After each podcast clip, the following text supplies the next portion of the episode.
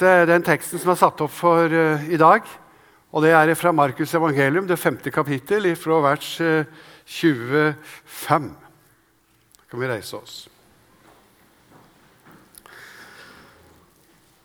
Det var en kvinne der som hadde hatt blødninger i tolv år. Hun hadde lidd mye hos mange leger. Alt hun eide, hadde hun brukt uten å bli hjulpet. Det var heller ikke blitt verre med henne. Hun hadde fått høre om Jesus og kom nå bakfra i folkemengden og rørte ved kappen hans. For hun tenkte om jeg så bare får røre ved klærne hans, blir jeg frisk. Med en gang stanset blødningen, og hun kjente på kroppen at hun var blitt helbredet for plagen. I det samme merket Jesus at en kraft gikk ut fra ham, og han snudde seg i folkemengden og sa:" Hvem rørte ved klærne mine? Disiplene sa, Du ser hvordan folk trenger seg innpå deg. Og så spør du hvem som rørte ved deg. Men Jesus så seg omkring for å få øye på den som hadde gjort det. Kvinnen skalv av redsel, for hun visste hva som var skjedd med henne. Og hun kom og kastet seg ned for ham og fortalte ham alt som det var. Da sa han til henne, din tro har frelst deg, datter. Gå bort i fred. Du skal være frisk og bli, gitt, bli kvitt plagen din. Kjære Jesus Kristus, vi takker deg for ditt hellige ord. Og vi ber nå i ditt navn om at du må åpenbare for oss, forklare for våre hjerter, hva dette vil si til oss i dag. Amen.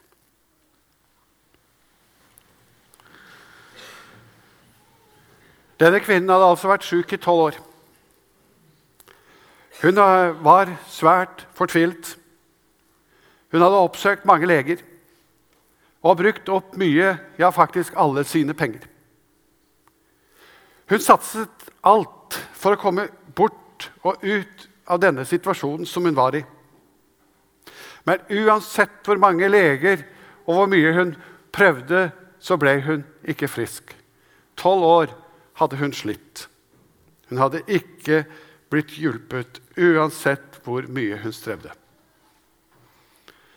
Og Vi trenger ikke stor fantasi for å skjønne at denne kvinnen hun var i en veldig utsatt og vanskelig situasjon. Men i tillegg til disse vanskelige fysiske forhold så var hun jo nettopp pga. den sykdommen som hun hadde, sett på som en uren kvinne. Og jeg tror det er ganske rimelig at det er rimelig å anta at hun hadde en følelse av skam. Hun kjente på skam. Derfor vil jeg bruke litt tid i dag til å snakke nettopp om skyld og om skam. Og Vi skal prøve å se litt på dette i vår sammenheng og i vår kultur. Først litt om skyld. Alle mennesker er skyldige overfor Gud. Og Hvis vi leser Romerbrevet kapittel 3, så står det at hver munn skal lykkes, og hele verden blir skyldig overfor Gud. Dette innebærer altså at Gud stiller oss til ansvar for det vi gjør. Og ikke bare for det vi gjør, men også for det vi er. Det vi gjør, det er jo en frukt av det vi er. Og vi er alle under synd. Ikke én av oss søker Gud. Og på sett og vis Inni denne sammenheng så er vi alle avvikere. Vi er alle urettferdige. Vi, en, vi er snare til å utøse blod. Og så videre står det i Rombrevet 3. Det er en ganske tung lesning og en tung beskrivelse av vår situasjon. Og Undervisningen om dette det må ikke forsømmes. Det har med lovens forkynnelse å gjøre og Bibelens krav, lovens krav den skal bli levendegjort i våre hjerter. Og det fører jo til, hvis så skjer, at vi kjenner på en angst og en uro og en redsel og somme til en skam. Og slik skal det være. Bibelens ord stiller oss innenfor det fullkomne krav. Og innenfor det fullkomne krav så står jeg altså framfor Han og slår mitt ansikt skamfullt ned. Det må vi ikke glemme.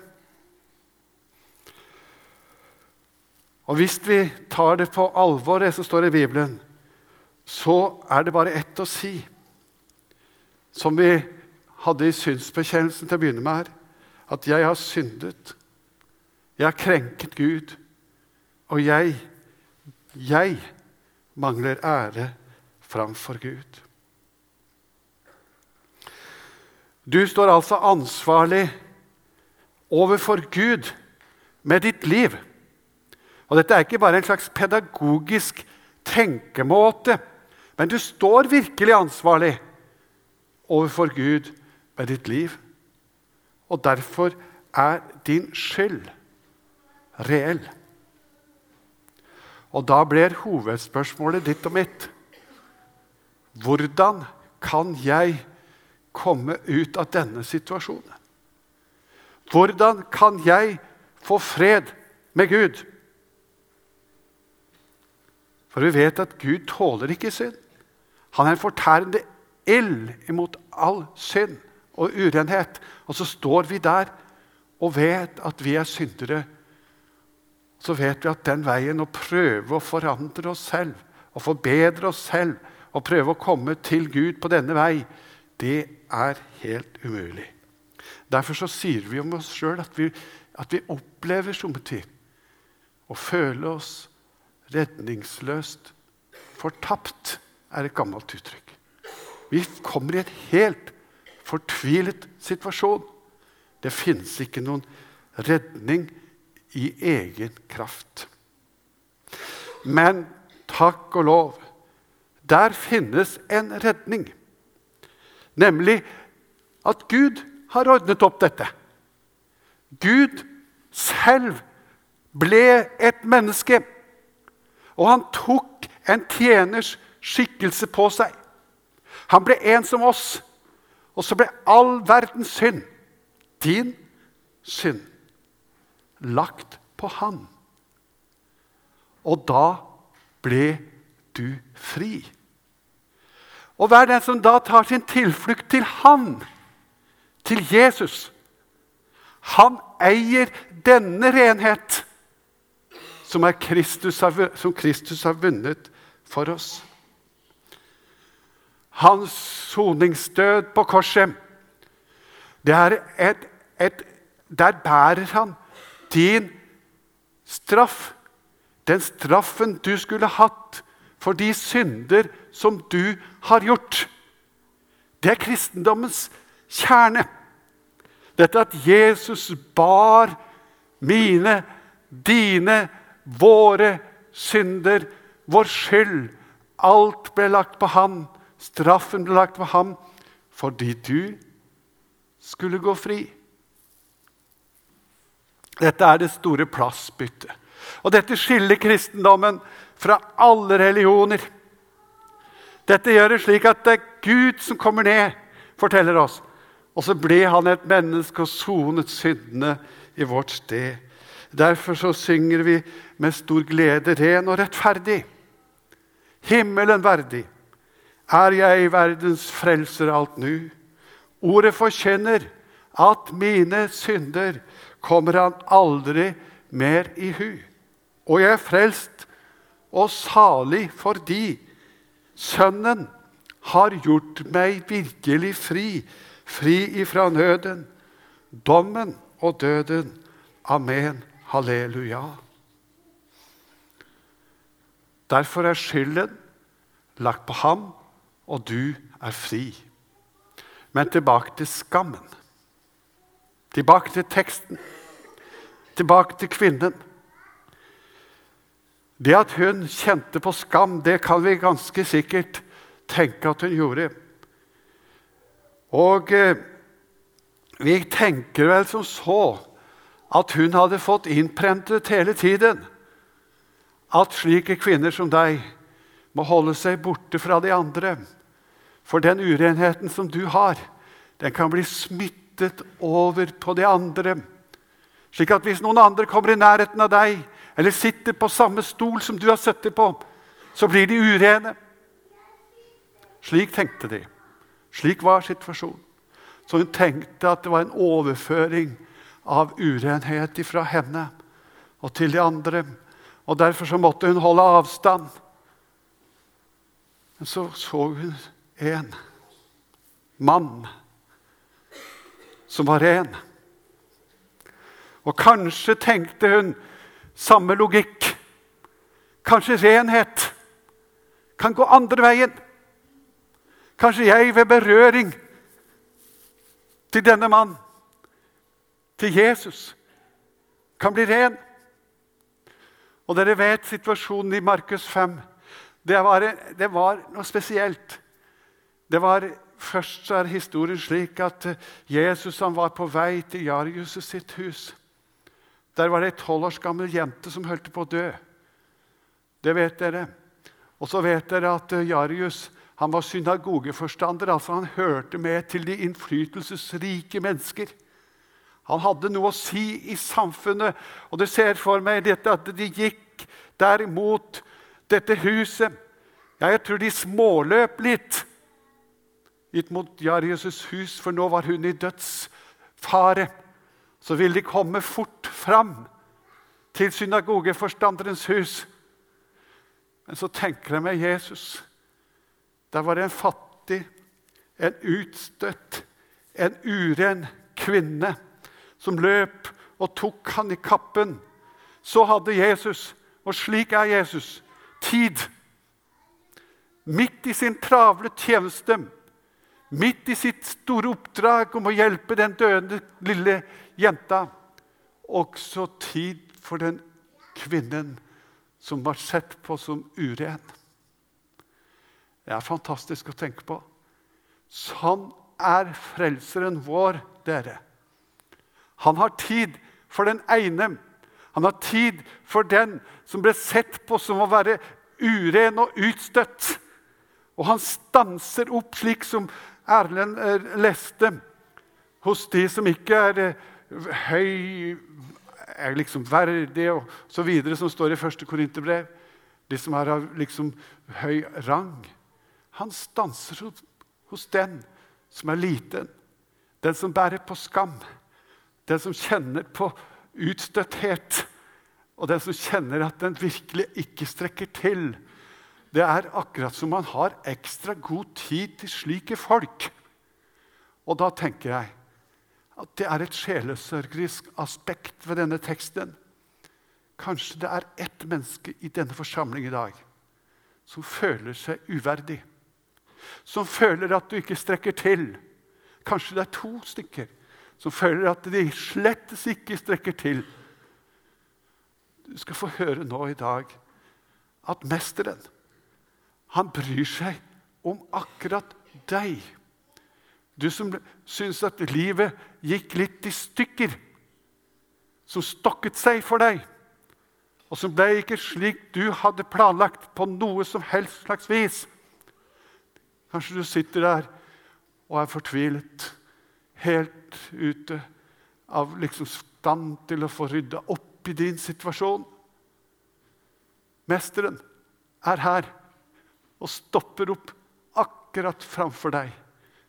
Og så, så ser han, slik man gjorde det der sånn Hvem var det som rørte ved meg, sa han. Og skur utover. Og vil gjerne ha kontakt med deg og velsigne deg og gi deg det du trenger til. Jeg tenker altså at den skamfølelsen som hun kjente på, den tror jeg kan være forskjellig fra forskjellige kulturer. Og jeg tror også at det finnes en skamfølelse i vår kultur, i vårt samfunn. Og Jeg har vært i Aftenposten og sett og lest noe der. Og Det er så fint med disse bibeltekstene som vi leser. Vi kan gå inn og se inn i vårt samfunn Det er sånn evigvarende sannheter som kommer fram. Og det var bare noen som sier skam. Det er opplevelsen av å ikke kunne elskes, er en ungdom som skriver. Skam er opplevelsen av å ikke kunne elsket, elskes. Og så sier han, eller hun, jeg er usikker på om det er han eller hun Hvordan kan jeg elskes om jeg ikke er perfekt? skriver han. For dette mennesket så var det en lærer som var tredningen. Det var veldig fint å lese om det. da. Men nå har jeg tenkt å la en 19 års gammel jente få bruke litt av preketiden min i dag. Og det var, fant jeg også i Aftenposten. Og denne 19-åringen, hun skrev inn i en konkurranse om sitt liv. Og det var veldig sterkt. Og det har med skam å gjøre. Og da sier hun som er 19 år, min største prestasjon i livet så langt har vært å overleve 13 års skolegang med tårer og frustrasjon. Slik begynner det. Og så sier hun videre Jeg er sliten. Jeg er nemlig hun som leser til prøver til hun kaster opp hun som rekker både lange skoledager, trening, jobb, sosialisering før døgnet er omme. Hun som alltid tilsynelatende er blid, og som poster bilder av sitt tilsynelatende per perfekte liv på Instagram. Jeg er hun, sier hun, som måler seg i speilet hver morgen og kveld. Hun med feil ingen andre ser. Jeg er hun som gråter selv når jeg fikk seksere på skolen, fordi det alltid var noe som kunne blitt bedre. Da jeg gikk i 9. klasse, skriver hun, fikk jeg oppgave å skrive en tekst om sjalusi. Og jeg tar meg selv i å lese teksten om igjen og om igjen fortsatt. Og ordene som jeg skrev som en 14 års gammel jente, skremmer meg.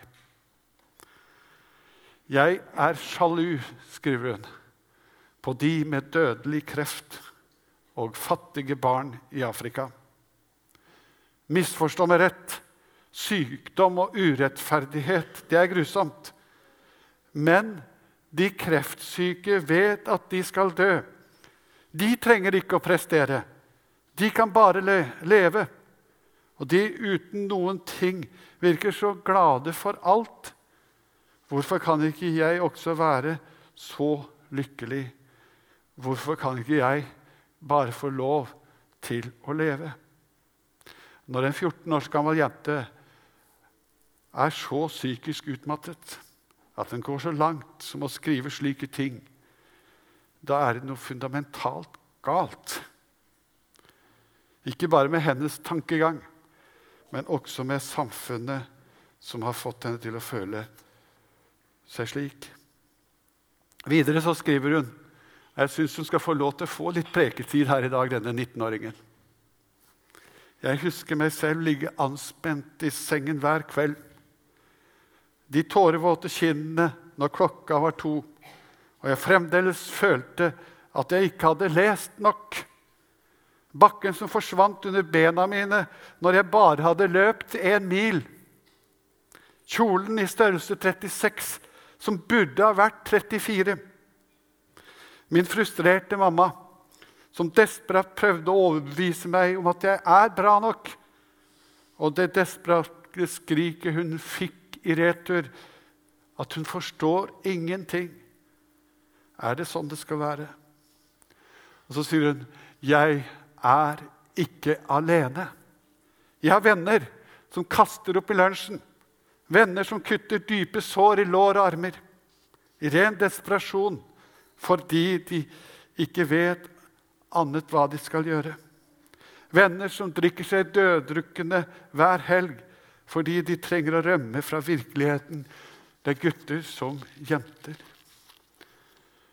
For det er feil å si ja, at prestasjonssamfunnet er det bare jenter som har. Det er også gutter. Og varsellampene burde ringe, og vi burde reagere. Så skriver hun til slutt, som jeg nevnte innledningsvis, at den største prestasjonen som hun har gjort til nå, det var altså å overleve 13 år på skolen. Dette syns jeg taler alvorlig til oss. Og det skulle ikke forundre meg om at det er en eller annen og av oss her i misjonssalen som kjenner på denne skamfølelsen fra den kulturen som vi nå lever i, hvor du skal prestere så veldig mye. Og hvordan skal vi på en måte lære av den teksten som vi har i dag, inn imot dette? Finnes det noen læringspunkter? Og jeg har lyst til å si det første punkt, og det syns jeg er veldig viktig, det er at Jesus hadde ikke berøringsangst i forhold til de urene. Det skal vi lære. Han hadde ikke et behov for å ta avstand fra de som ikke presterte nok. Han hadde ikke behov for å skyve dem ifra seg. Han hadde ikke noe behov for liksom å vise at her har vi fått det til. Syndere holdt seg nær til Jesus.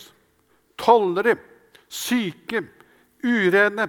De, de klynget seg om han. Han var som en magnet på de som på en måte opplevde, kanskje i den kulturen, som skam, som synd og som vondskap. Jesus kom, og så tok han alt dette på seg, og så fikk, ble han en, en tiltrekningskraft for dem. Og Jeg har lyst til å si vår synd, din synd, din urenhet og din skamfølelse, det er ikke til hinder for at Gud kan være glad i deg. Det viser kristendommen oss.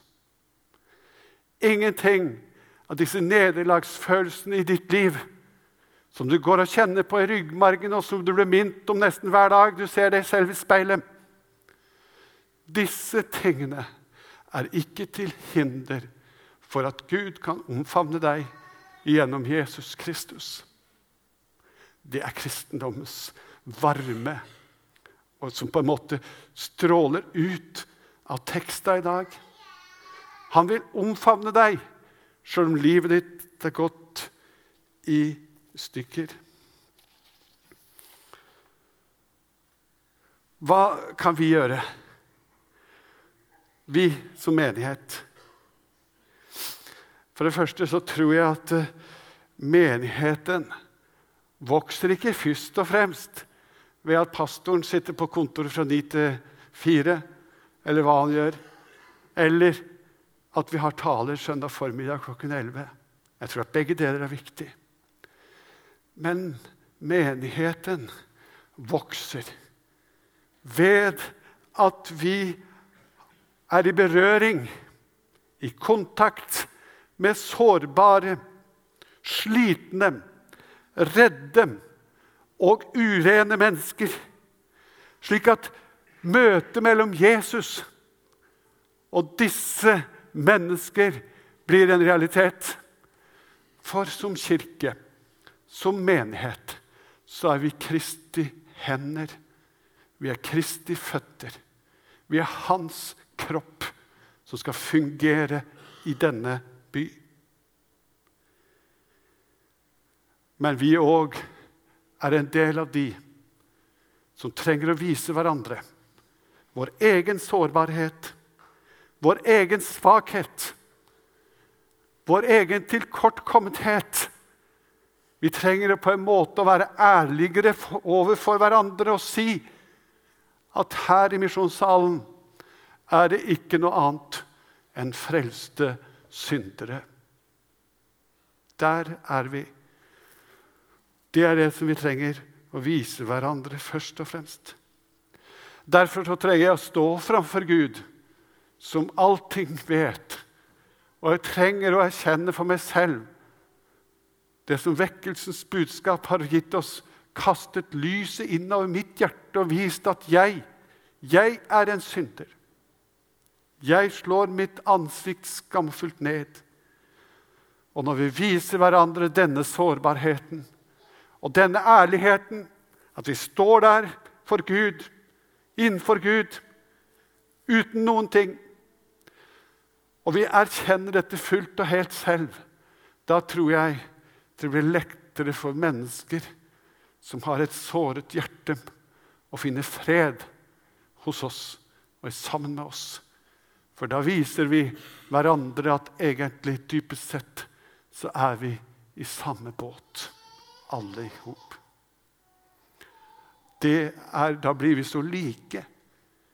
Vi blir på en måte stående der innenfor Gud, som allting vet. Og så har jeg avslørt innenfor Gud. Ja, det er jeg. Ikke en ting kan skjules for ham, men så er jeg elsket gjennom Jesus. Sort er jeg, men yndig, sto den gamle oversettelsen. Sort er jeg, men yndig. Jeg er synder, men jeg er elsket av Jesus.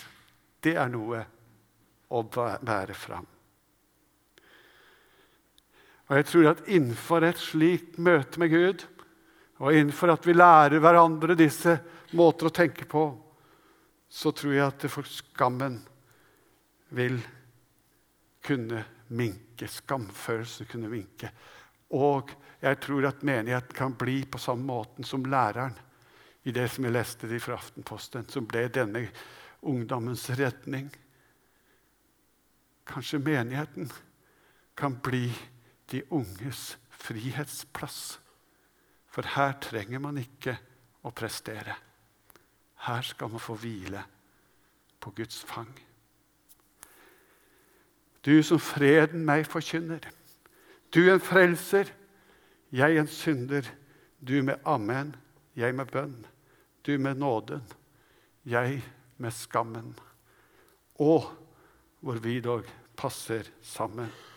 Du Guds salvede Guds sønn. Før jeg går ned, så har jeg lyst til å anbefale noe som jeg sjelden gjør.